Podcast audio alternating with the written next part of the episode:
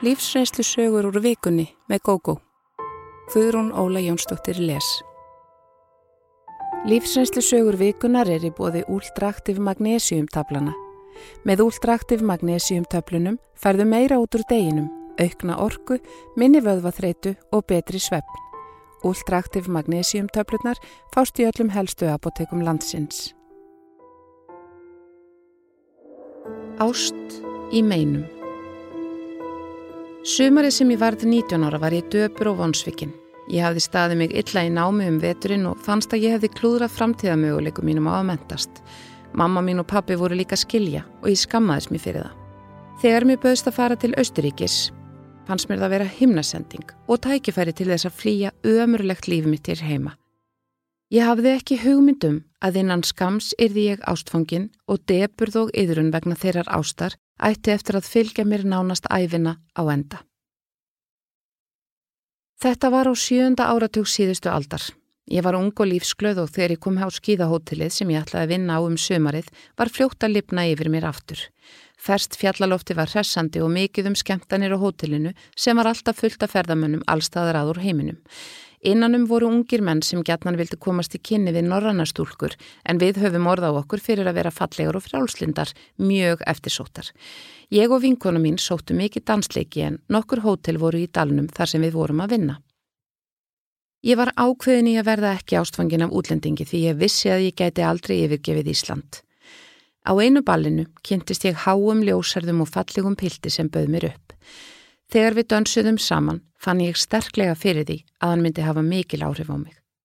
Ég var sannferðum að hann ætti enga kærustu þar sem hann dansaði svo mikið við mig. Pilturinn reyndist heita Gunnar, norskur að ætt og uppruna, engarsonur efnaðra hjóna. Hann hafði verið á ferðalægi um Evrópu og þetta var síðasta stopp áður en hann ætlaði að halda heim. Hann bauðst til að fylgja mér á hóteli mitt þegar dansleiknum laug og okkur lág ekkert á. Við enduðum á að spjalla saman hálfa nóttina en allt á millokkar var bæði saglust og romantist. Áður en við skildum ákvaðum við að hittast næstu helgi á sama stað. Þetta var allt svo nýtt og spennandi fyrir mér. Næstu daga þróaðist samband okkar Gunnars og við urðum stöðugt nánari. Mér fannst sem við tvö værum eini heiminum, allt annað var svo fjarlægt. Hann frestaði stöðugt heimfur og sömarið leið. Við hittumst á laun og ég let mig dreyma um framtíð mína í Noregi með þessum indislega pilti sem átti hugminn og hjarta. En þegar líða tók á ágúst fór ég að taka eftir breytingum á Gunnari. Hann var ekki jafn gladlegur og fyrr og ég fannaði eitt hvað var að. Ég var samt svo saklus að ég skildi ekki hvað gekk að honum. Eitt kvöldið kom hann svo til mín því hann vissi að það var farið að stittast í að vinnusamningi mínum leiki. Hann var alvarlegur og dabur í bræði, svo mér brá við. Ég hrættist að hann ætlaði að slíta sambandinu og það hefði ég vel geta skilið því ég skildi ekki hvað þessi glæsilegi piltur, velmentaður og ríkur, sæi í mér. Við settumst saman inn í lobbyinu á hotellinu sem hann bjóða og ég fann að hann ætlaði að segja mér eitthvað slæmt og það setti að mér mikinn kvíða. Dísa mín, sagðan svo loks, þú veist að ég elska þig. Ég hef aldrei borið svona sterkar tilfinningar til stúlku áður en ég er ekki frjáls til þess. Ég er trúluveður annari stúlku heima í Nóri. Fóreldrar okkar eru bensku vinir og þau eru mjög hlind þessum ráðahag. Ég get ekki svikið loford mitt. Aðeins hún getur leist mig frá því. Mér þykir væntum annað en ég ber ekki einsterkar tilfinningar til hennar og ég gerir til þín. Mér var mjög bröðið en ég skildi ekki af hverju Gunnar var svona örvendingarfullur því hann ætlaði sér að tala við stúlkunna og mér kom ekki annað til hugar en að hún leist hann frá lofverðinu. Hver geti hugsað sér mann sem elskar aðra konu? Svo ég huggaði Gunnar og sagði hann að hafa ekki áhyggjur því þetta færi allt á besta veg. Hann baði mig afsökunar á að hafa ekki sagt mér frá þessu fyrir en hann hafði langað svo mikið til að kynast mér. Við heldum áfram að hittast það sem eftir var af tíma mínum en svo kom að því að ég varð að fara. Gunnar var óhuggandi en saðist ætla að tala við unnustu sína um leið og hann kemi heim til sín. Og skyndilega var ég komin aftur til Reykjavíkur með öllum sínum háfaða, ís og þess. Við Gunnar skrifiðumst á og þau voru mörg brefin sem fóru á milli okkar. Hann kom líka einu sinni í stutta heimsókn til Íslands.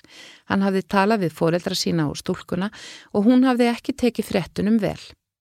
Allt var þó í óvissu því hún vildi ekki svara strax. Seintum haustið skrifaði hann mér langt bref. Unnusta hans vildi alls ekki falla frá því sem um hafði verið samið. Þar sem ég byggi á Íslandi taldi hún að Gunnar yrði fljótur að gleima mér.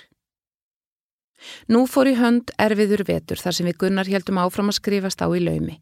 Ég reyndi að hugsa ekki um hann og gleimunum. Ég held áfram í skólanum, staðráðun í að standa mig betur og fór stundum á skólabölu og dansaði. Mér leiði samt mjög illa. Ég var svo vonsvikinn og afbreyðisum. Ég var líka meðvituð um að ég gæti ekki lifa hafmyggisömu lífi undir svona kringumstæðum.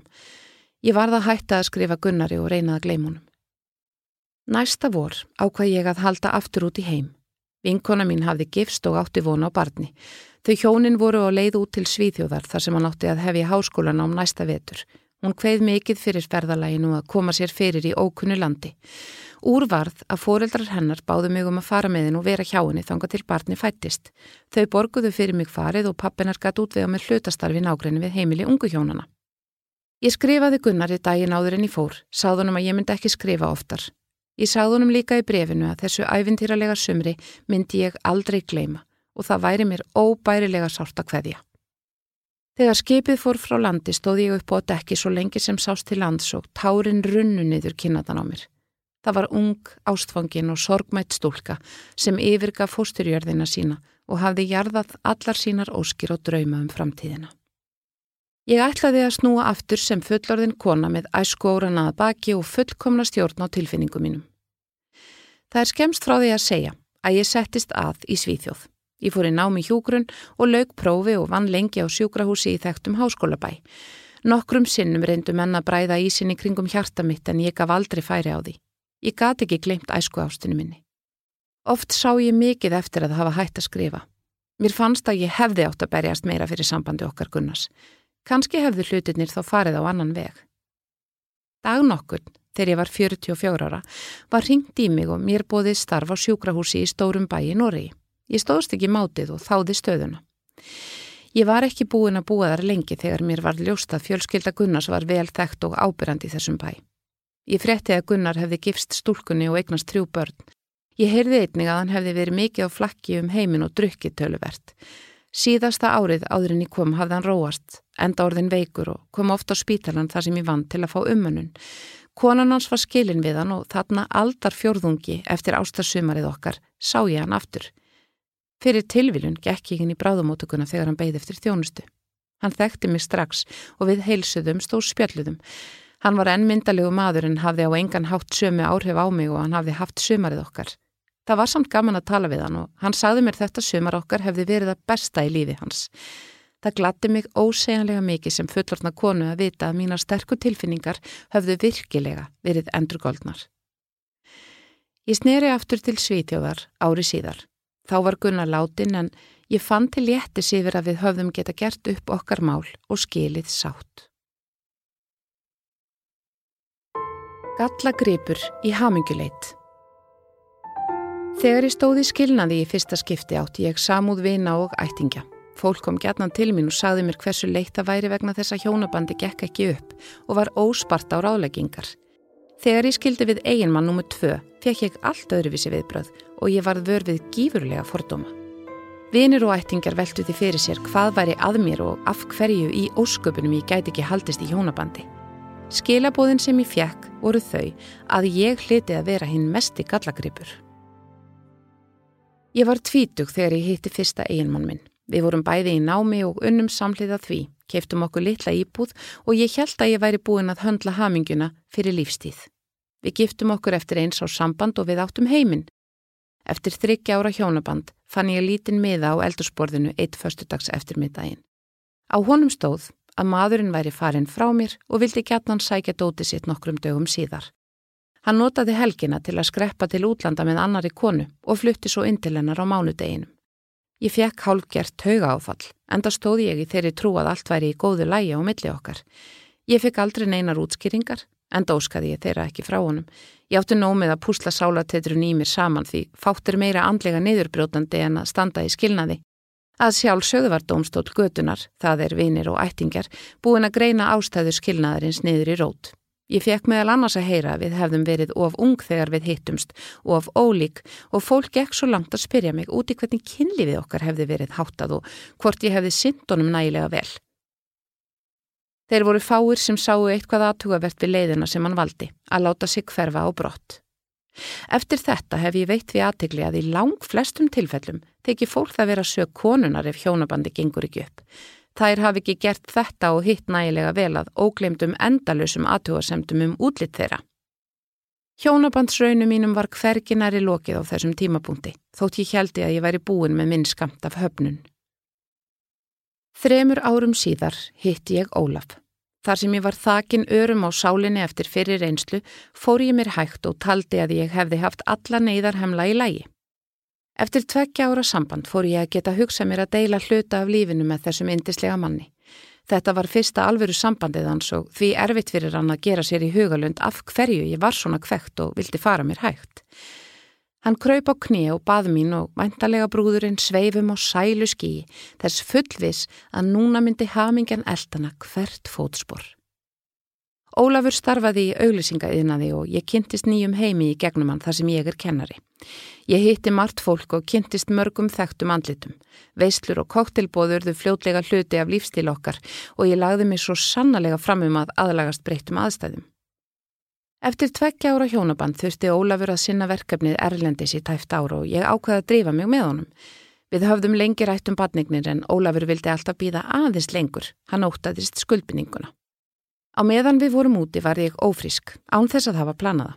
Ég var allsæl þar sem ég þráði fátt meira en að eignast badn, en því miður glattist Ólafur ekki á sama hátt. Í hans huga voru börn fjötrar. Fyrstu mánuður meðgöngunar voru hræðilegir. Ég kastaði stanslust upp og endaði á sjúkrahúsi í útlendri borg þar sem ég þekkti fáa. Ólafur gaf það skýrt til kynna hversu lítið þetta bann og meðgangan kæm honum við og síndi mig litla væntum þykju. Ég var komin sex mánuði á leið þegar ég flög heim en hann ætlaði að ljúka verkefninu og koma heim fyrir fæðinguna, enda aðeins fara hann að mildast í afstöðu sinni á þessum tíma. Hann kom heim þremur dögum áður en sveitliti fættist. Um leið og hann fekk són sinn í fangið yðraðist hann orða sinna og hegðunar gagvart barninu sem nú var í fætt og sveit var sólargeislinn hans um tíma. Hjónaband okkar var gott í nokkra mánuði á eftir. Ólafur gatt vallar séð af sinni sínum og var hættur á stunda veisluhöldin í kringum vinnuna. Hann vildi bara vera heima hjá okkur. Ég laði mig fram um að vera þessi fyrirmyndar húsmóður og það eina sem Ólafur þurfti að gera var að mæta heim í mat. Ég gefði engar kröfur til hans, hvorki varðandi heimilistörfni annað. Ég sá um að panta borða veitingahúsi eða leikusmiðaði mig langaði eiga romantíska kvöldstund. Ég var sífælt á nálum því mér fannst sambandi standa og falla með því hvernig ég heldi utanum það og ég trúði því að ég einn bæri ábyrð á hvernig tiltækist. Sambandi vestnaði smám saman og þegar við heldum upp á einsás afmæli sveins töluðumst við valla við. Í stað þess að rýfast notuðum við þögnina sem tjáningastæki. Ég leitaði til sálfræðinga og annara ráðgjafa í vonum að þeir getu hjálpa mér að bæta hjónabandið. Þeir bendu mér allir á þá staðrind að ég væri eina leita hjálpar, en hjónaband byggðist á samspili tvekja einstaklinga.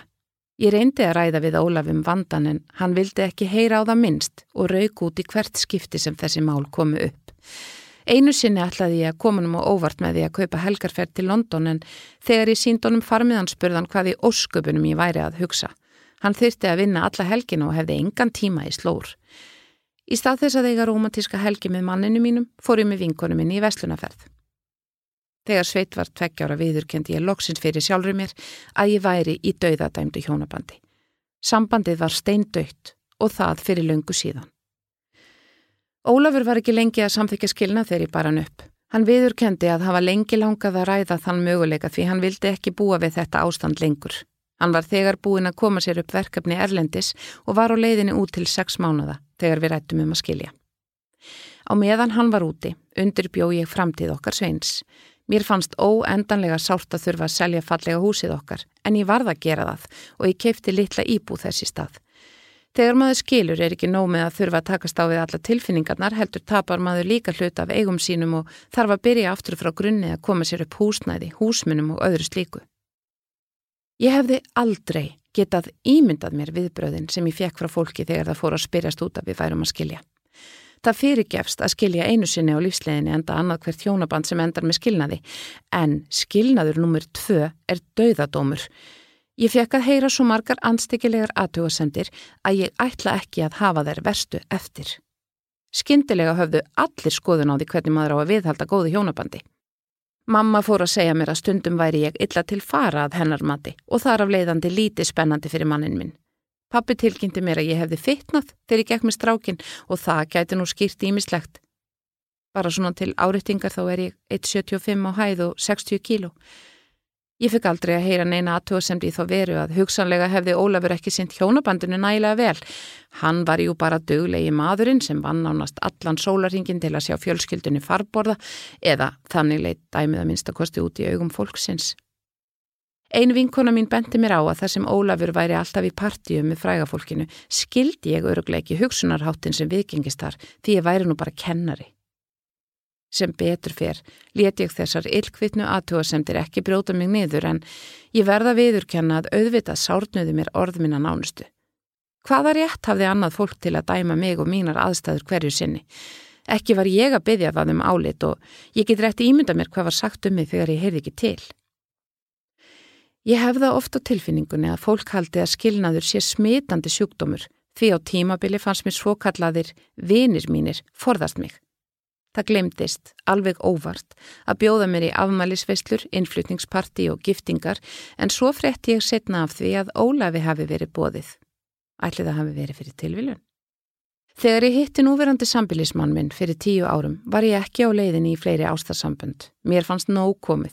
Honum tókst hins vegar að heitla mig upp úr skónum á nokkru mánuðum. Ég var mjög lengi að læra að treyst honum og öðlast trú á sambandinu. Það má segja að þarna hafi tvær óheila krákur hist því hann átti líka tvær sambúðir að baki og vissi nákvæmlega hvernig það væri að standa í þeim sporum að gera upp fyrir sig hvort maður sé tilbúin einaferðina enn.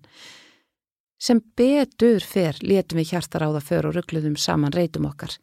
Við erum ekki gift og tókum þá ákverðun strax að búa í óviðri sambúð. Sambandið hefur svo sannlega borið ávöxt því í dag eigum við saman þrjú börn og erum hamingi samari með hverju árinu sem líður. Við erum öll bara mannleg og þar af leiðandi gera allir mistök einhver tíma. Sumir velja sér ángan maka en aðrir haga sér ekki eftir settum reglum. Stundum eru mistökin okkar svo stór að þau eru sjáanleg en sem betur fyrr gerum við líka oft mistök sem minna ber á. Næst þegar þú frettir af einhverjum sem stendur í skilnaði eða sambúðarslitum, sleftu öllum aðtúasemdum og ráðleggingum.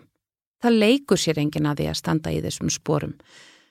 Ef þú vil gera eitthvað, sendu viðkomandi eins mikið af hlýjum hugsunum og þú getur. Því það er það eina sem sár þjáð sál þarf á að halda. Óvæntir endurfundir Ég kynntist Sigrunu þegar ég var 17 ára. Við vorum jafnöldrur en ástæðan fyrir því að við kynntumst var svo að hún fór að vera með yngri bróður mínum. Sigrun var strax góð vinkona mín og við urðum mjög nánar. Við áttum mörg samiðileg áhugamál. Eitt af þeim var söngurinn. Við sungum báðar í kóraðarsum tíma og setna mér sungum við í sama kórnum. Okkur þótti mjög vænt hvorum aðra og við vörðum öllum stundum saman nema þegar hún var ein með bróður mínum. Oft fór ég þó með þeim í bíó þar sem við fórum öll með bíódellu og tvis var ferðuðumst við þrjú saman innanlands. Samband þeirra endist ekki lengi. Þau hættu að vera saman þegar við vinkonundar vorum 19 ára eða eftir tæp 2 ár. Þrátt fyrir það heldum við Sigrun okkar vinóttu. Hún minkaði ekkert þó það Sigrun hætti fyrst um sinna að koma jafnmikið heim til okkar og áður var. Vinóttu okkar diffkaði frekar en hitt því eftir þetta fór Sigrun að tala meira um sjálfa sig við mig. Þegar við vorum tvítugar kynntist ég tilvonandi eiginmanni mínum og skömmu síðar á hvað sigur hún að fara í nám til kaupanahafnar eitt vetur, þannig að samband okkar minkaði tölu verðt. Í fyrstu skrifuðumst við mikið á, en eftir að ég gifti mig og varð ólétt og hún fór að vera með dönsku manni, fækkaði brefinum. Sigrún heimsóti mig sömarið sem elsta barni mitt var á fyrsta ári, en veturinn eftir flutti Sigrún til Parísar í eitt ár og eftir það má heita að ég hafi ekki heyrt af henni. Ég vissi að vísu að hún gifti stananum og þau fluttu til Jótlands, en þar með var líka öll sagan sögð. Oft hefur mér verið hugsað til Sigrúnar öll þessi ár síðan hún flutti til Danmerkur og minningarna sem ég áttu um hann og vinóttu okkar hafa oft iljað mér. Það hafði kvarlað að mér oftar en einu sinni að reyna að hafa upp á henni, en einhvern veginn varðaldri neitt úr því. En Það fór samt svo að ég hitti Sigrunu aftur en þá var næstum 21 ári liðið sem við sáumst síðast. Það var vægast sagt undarleg tilviljun sem reðiði. Við hjónin ferðuðumst ekki mikið á fyrstu búskaparárum okkar Okkur langaði svo sannlega til þess en við vorum auðvitað blöng og upptekinn af badnauppeldi og höfðum korki tíman í peninga til ferðalaga. Eftir að börnin uksu úr grasi breytist þetta og undan farin sjö ár höfum við farið til útlanda á hverju ári. Fyrst fóru við reglulega í einhvers konar hópferðir. Fyrir tveim árum ákvaðum við svo að gera eitthvað öðruvísi og í staðis að fara í hefðbundnar sólarlandaferðir langaði okkur að fara ein út í bláin, fá okkur bílalegu bíl og ferðast frjáls. Við flögum til London og tókum bíl á leigu þar og ógum í söður. Við gistum oftast á enga heimilum í svo kallari bed and breakfast gistingu og líkaði það einstaklega vel. Bretarnir eru svo elskulegir heima sækja og okkur fannst næstum eins og við værum fósturbörn heimamanna á flestum stöðunum. Við ógum gegnum litla vinalega bæi, versluðum í kaupfélugunum þeirra, fórum á pöppana og veifuðum til gömlu kvennana sem hjóluðu um með hundana sína í bastkörfum. Þetta var indislegt. Einn af þeim bæjum sem við nánast viltumstinni heitir Ræ og er gamal sérstaklega romantískur og fallegur. Þar fundu við fallegt lítið hús með skildi í glukka þar sem bóðið var upp á gistingu. Á móti okkur tók afskaplega smágerð gömul kona sem umvafði okkur hlýju og bauð okkur te út í rósakarðinum sínum. Hún sagði að okkur væri velkomið að setjast þar hvena sem okkur listi. Okkur líkaði svo vel í húsinu hjá ekkjunni, frú Jenkins, að við ákvaðum að vera þar í þrjá daga til að ná úr okkur vegatreitunni í róligheitunum áður en við snerum tilbaka til London. Við sáum ekki eftir þeirri ákverðin því það fór einstaklega vel um okkur. Við gengum um bæin og letum eins og við værum heima hjá okkur. Og þar hitti ég Sigrúnu. Þriðja og síðasta morgunin okkar hjá frú Jenkins fórum við snemma fram í morgunverðin í solstofinni. Þar voru þrjú kringlót borð fyrir gestina og við settumst alltaf við borðið sem snýri út í gardin. Við vorum rétt að fá okkur sæti með kaffibotlan okkar og heimabökuðu bollurnar þegar önnur hjón komuðin í stofuna. Mér var litið á þau og konan vakti strax aðtegli mína. Mér fannst ég hefa síðan áður.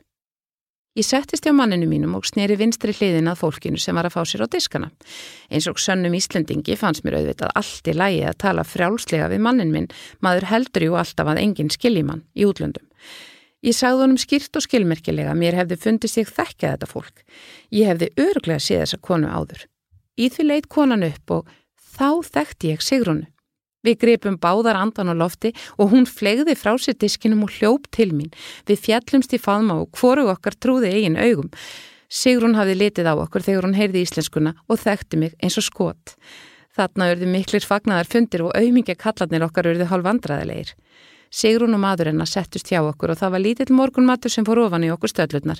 Við töluðum og töluðum á íslensku, auðvitaðum sjálfar okkur og á endanum fóru þeir eigin menn okkar að tala saman á ennsku því maðurinn minn talar ekki dönsku og hennar ekki íslensku. Þetta var vægast sagt sérkennilegt borðhald. Frúti Jenkins var það auðvitað vörfið að eitthvað merkilegt var á segði og þegar hún fekk alla sólarsöguna var hún svo kátt að hún krafðist þess að við yrðum einn dag í viðbóti hennar bóði en Sigrun og hennar maður áttu pantað fram á næsta dag. Við þáðum bóðið og þennan dag notuð við til að fara í lautarferð út fyrir bæin með nesti sem frú Jenkins útbjóhand okkur. Þetta er einhver eftirminnilegasti dagur sem ég hef upplifað. Við töluðum ennsku þennan dag og svo skemmtilega vildi til að mennitin okkar höfðu mjög gaman af þessu líka og við vorum öll mjög hamingisum og glöðu eftir þessa ferð. Við segur hún ákvaðum að nú skildum við ekki missa hvora vannari aftur. Við fundum strax að vináttu okkar var enn til staðar. Það var rétt eins og við hefðum hist síðast í gær. Við sungum báðar enn í kór, hún á dönsku, og við vorum báðar enn með bíó og ferðadellu. Við gáttum strax tala saman og við höfðum svo margt að segja hver annari að eitt dagur nægði engan veginn. Við skiptumst á heimilisfengum og Sigrun gaf mér netfangi sitt að við geti hugsanlega notað að setna. Við hjónin áttum að vísu heimilistölfi þegar þetta var en við höfðum ekki haft aðgangað posti fram á þessu. Eitt af því fyrsta sem við komum í framkvæmd eftir að við komum heim úr þessari ferð var að fá okkur netfang. Þessi ágæti dagur leið allt og frætt og við Sigrún hétum því að hittast ofta eftir þetta.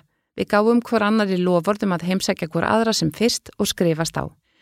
Við höfum staði við þetta, því við Sigrún eru mikið í sambandi á tölfunni og í sumar komaðu hjónin til Íslands.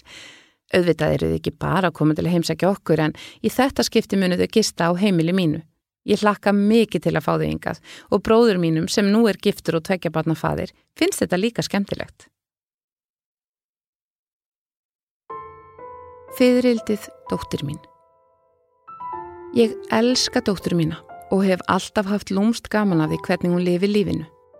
Þrátt fyrir að hún sé alin upp á ofurvenjulegu heimili af mjög svo hverstagslegum fóreldrum hefur litrikur personleiki hennar og vali lífinu æfinlega verið á skjön við þið hefbundna. Helst eftir mér í hugað einhver staður í ættum okkar leynist ævintýra kvendi og gen hennar hafi öll sapnast í þessa stúlku sem fer sínar eigin leiðir þvert á almenningsálitið. Dóttir mín fór að heiman þegar hún var 16 ára gömul, okkur fóruldrinum til mikillar skelvingar. Okkur fannst hún of ung og órein til þess að standa á eigin fótum, en hún stóð fast á sínu. Hún var ekki nema 17 ára þegar hún fór utan til náms og næstu árin var hún á ferð og flugi um allan heim. Oft þótt okkur nóg um flakkið og við reyndum að fá hana til að setja stað á einum stað og fara að rækta gardin sinn. Við það var ekki komandi, jafnvel þótt hún hefði orðið ófrísk og eignast lítinn svon. Þá fannst okkur sannarlega nú yrði hún að breyta svo litið um lífstíl. Hún væri komin með batn á framfæri og yrði að taka tillit til þess. En það er erfitt að kenna hundi að sitja, jafnvel þótt ungur sé. Það varð úr að sonur hennar varð eftir hjá okkur þegar fyririldið móðurinn hjælt af stað í næsta könnunaleðangur.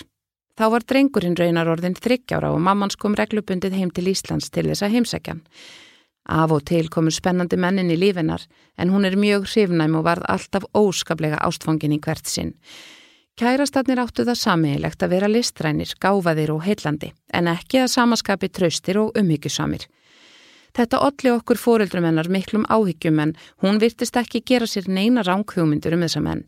Hún vissi hverju þeir voru og þegar þeir sveiku varð hún leið og sorgmætt en engan vegi niðurbrotin. Þetta komin ekki á óvart. Með árunum róaðist hún svo litið og þar kom að hún settist að á Íslandi og fór að búa. En svo sambúð varð ekki lengi. Aftur kom óróleikin yfir dóttur mína og hún flutti til útlanda.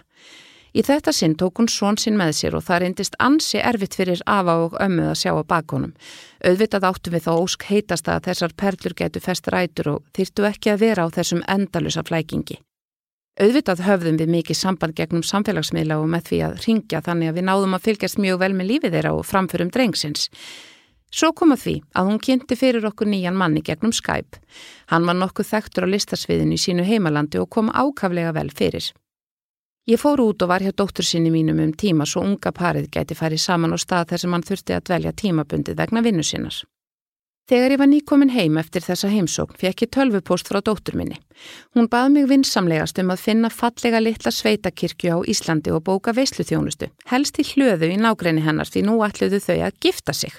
Hún myndi sjá um að bjóða og vantalegur brúkum með að borga. Mér fannst þetta nú bera nokkuð brátt að og var ekki alveg vissum hvort ég ætti að fara af stað eða ekki, en nokkrum árum setna ítrykkaði hún þetta svo ég setti allt og fullt að leita að stað sem myndi geta uppfyllt þessar óskir. Hann fannst um síðir norður í landi en þá kom annar tölvupostur. Dóttir mín taldi að mun betra væri að gifta sig í heimalandi unnustans. Þar væri betra veður og vinir og vandamenn hefðu bara gaman af að ferðast til sólalands til að vera viðstattir brúðköp. Ég ringdi hana og hún lísti glöð fyrir mig litlu sveitakirkjunni sem þau höfðu fundið saman og settu pringana utan við. Dásamlega veitingastanum þar fyrir neðan þar sem veislan átti að fara fram og litlu hóteli sem rúma myndi alla vini og ættingja frá Íslandi. Og nú var allt sett á fullt. Bóðskortin bárust að utan og um fátt annað var meira rætt í fjölskyldunni næstu vikur. Brúðköpstagurinn rann upp, svo bjartur og fagur. Brúðurinn var sannlega glæsileg og falleg þegar hún settist í farþegarsæti við hliðin á mér í bílalegu og við ógum af stað frá heimili hennar í áttalitlu kirkjunni þeirra. Í aftursætinu var dóttursónur minn og afi hans, prúðbúnir og indislegir, báðir tveir. Miðstöðin í bílnum var byluð og dagurinn óveinulega heitur. Loftkælingin virkaði þess vegna ekki. Það lag því svitin af öllum þegar á staðin var komið, þótt brúðköpsklæðin væru mesta híjalinn. Við stegum út úr bílnum og krullaðir lokkar, brúðar og móður hennar, hengu nú sléttir og döfir niður. Víða mátti sjá svitabletti á kjólum og jakkafötum, en við vorum komin og inn í kirkuna var gengið. Þar inni var dásamlega svalt. Vekkir gömlu kirkunar voru þykir og kaldur steitnin hjælt hitanum úti, rétt eins og hann varði fyrir kulda og veturna. Maðurinn minn leiti dóttur mína upp að alltarinu til móts við mannin hennar tilvonandi. Brúðguminn brosti hamugjusamur og ástinn ljómaði af þeim báðum. Ég mani ég hugsaði með mér að ég vildi óska þess að hamingja þeirra endist og allt yrði þeim til haps og gleði. Líklega deila allar mæður þessari óskabrúðköpstegi barna sinna en mér fannst ég þurfa að vera enn bænheitari en aðrar konur í sömu stöðu í ljósi sögu dóttur minnar. Ég vissi sem var að þauðrildi mitt myndi ekki leifa neinum að klippa af sér vangina. Ég vildi óska þess að sagan endaði vel eins og gömlu ævintýrin en því miður er það ekki svo. Fljótlega komi ljósa maðurinn sem dóttir mín hafði valið var ólíkt fyrir kærustumennar, ekki ábyrðarlaus draumavingull og listamaður, heldur ákaflega strángur og kröfuharður fagmaður. Hann var vel stæður vegna dugnaður í starfi sínu og því meður jafn harður í engalífinu og utan þess. Ætlast var til þess að dóttir mín hugsaði um heimili þeirra, stórt og glæsilegt hús með sundleg og töföldum bílskur, eldaði handónum mat, væri óaðfinnanlegur geskjafi og stöðugt til taks að fara með ef hann þyrti í ferðalög eða á henni að halda. Hún reyndi í nokkur ár allt hvað hún gata þóknastónum og á þeim tíma sá ég glóðin að deyja í augumennar og personuleikan bælast sífelt meira.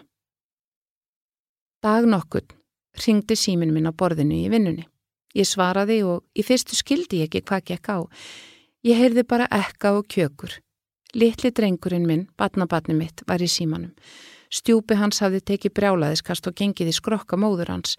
Hún var á spítala og hann stattur á byðstofinni að býða frétta. Einhver góður maður hafði rétt honum síma og sagt honum að ringja í einhvert sem gæti hjálpað honum. Við lá að ég trilltist en ég vissi að það myndi gera illt vera. Ég talaði því rólega við drengin minn og sagði honum að afi og amma væruð að koma. Smátt og smátt stiltist gráturinn.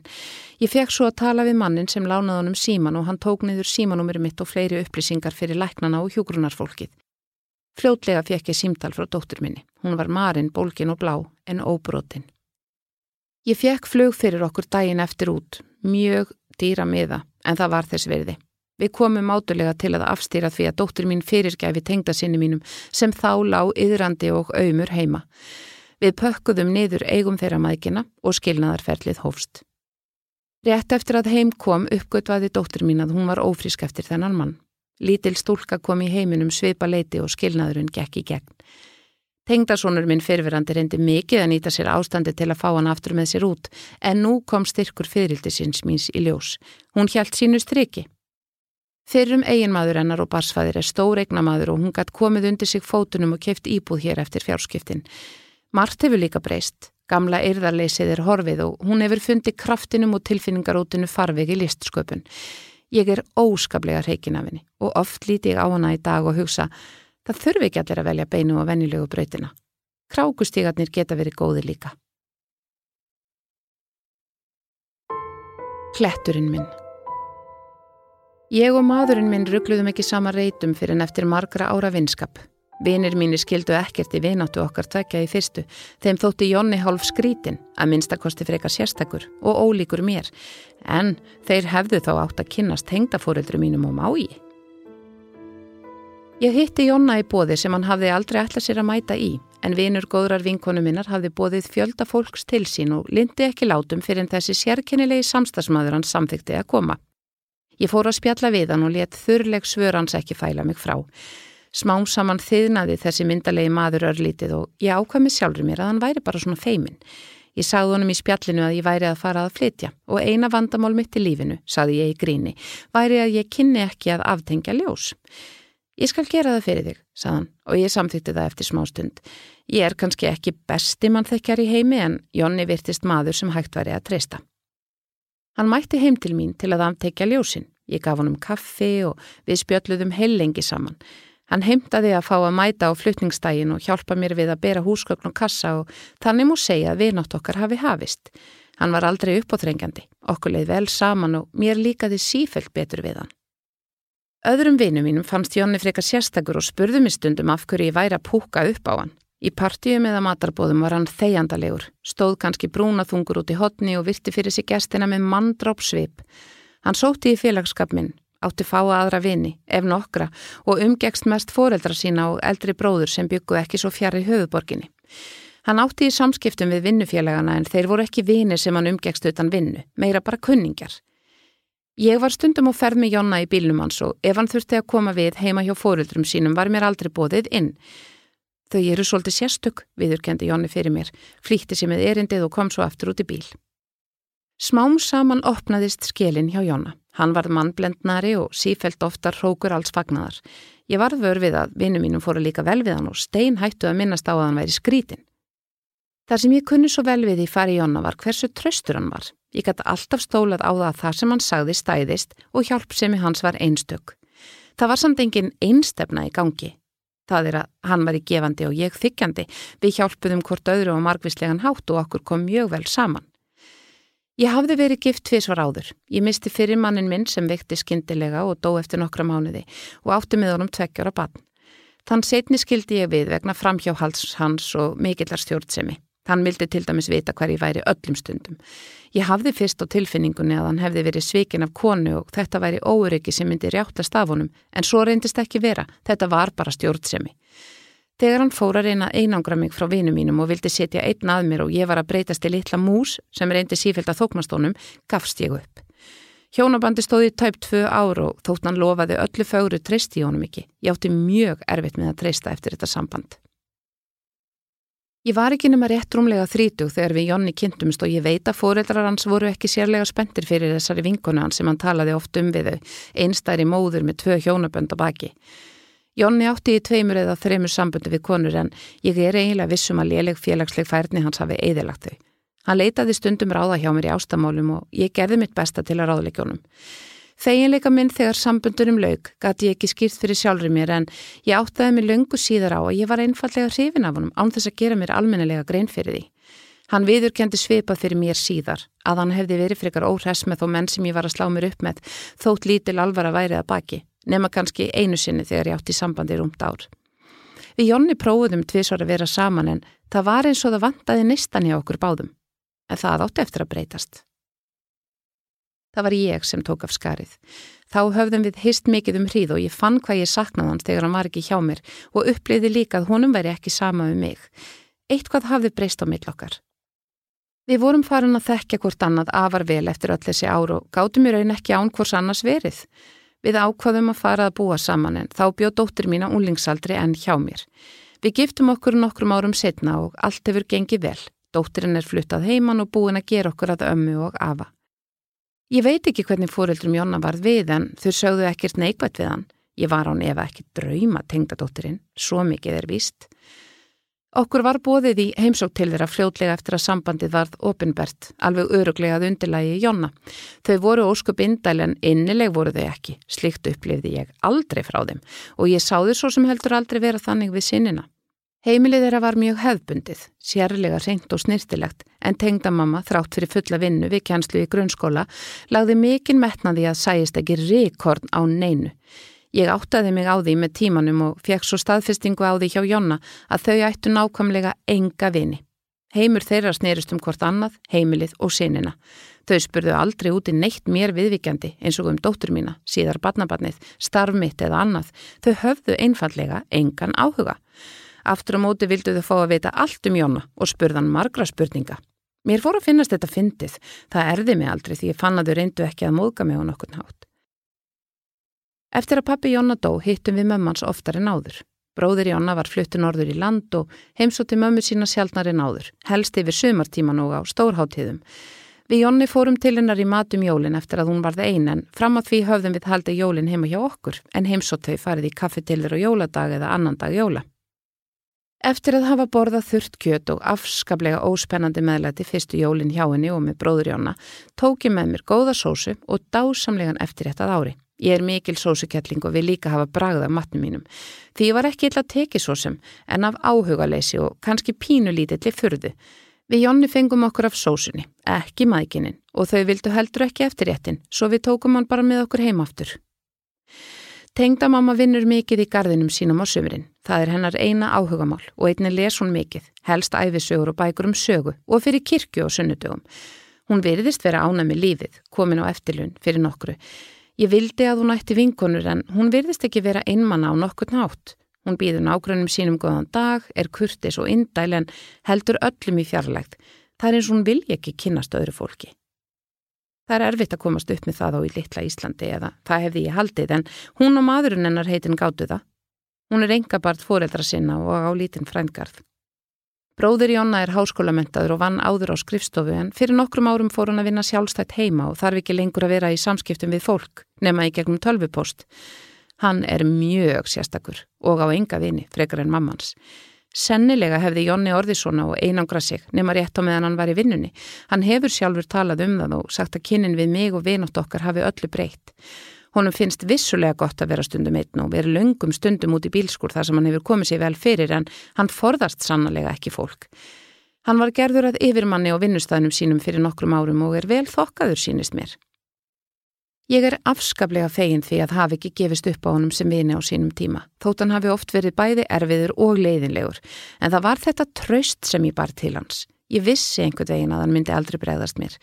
Eftir tætingslegt líf, óreglu heimili í æsku, makamissi og erfiðan skilnað var ómetanlegt að eignast svona klett sem ég gæti reitt mig á. Hann þurfti svo sannlega líka mér að halda til að öðlast gott líf eins og hann hefur margóft sagt við mig. Jónni hefur gert margar tilurnir til að draga bróður sinn út af skilinni, en án árangurs.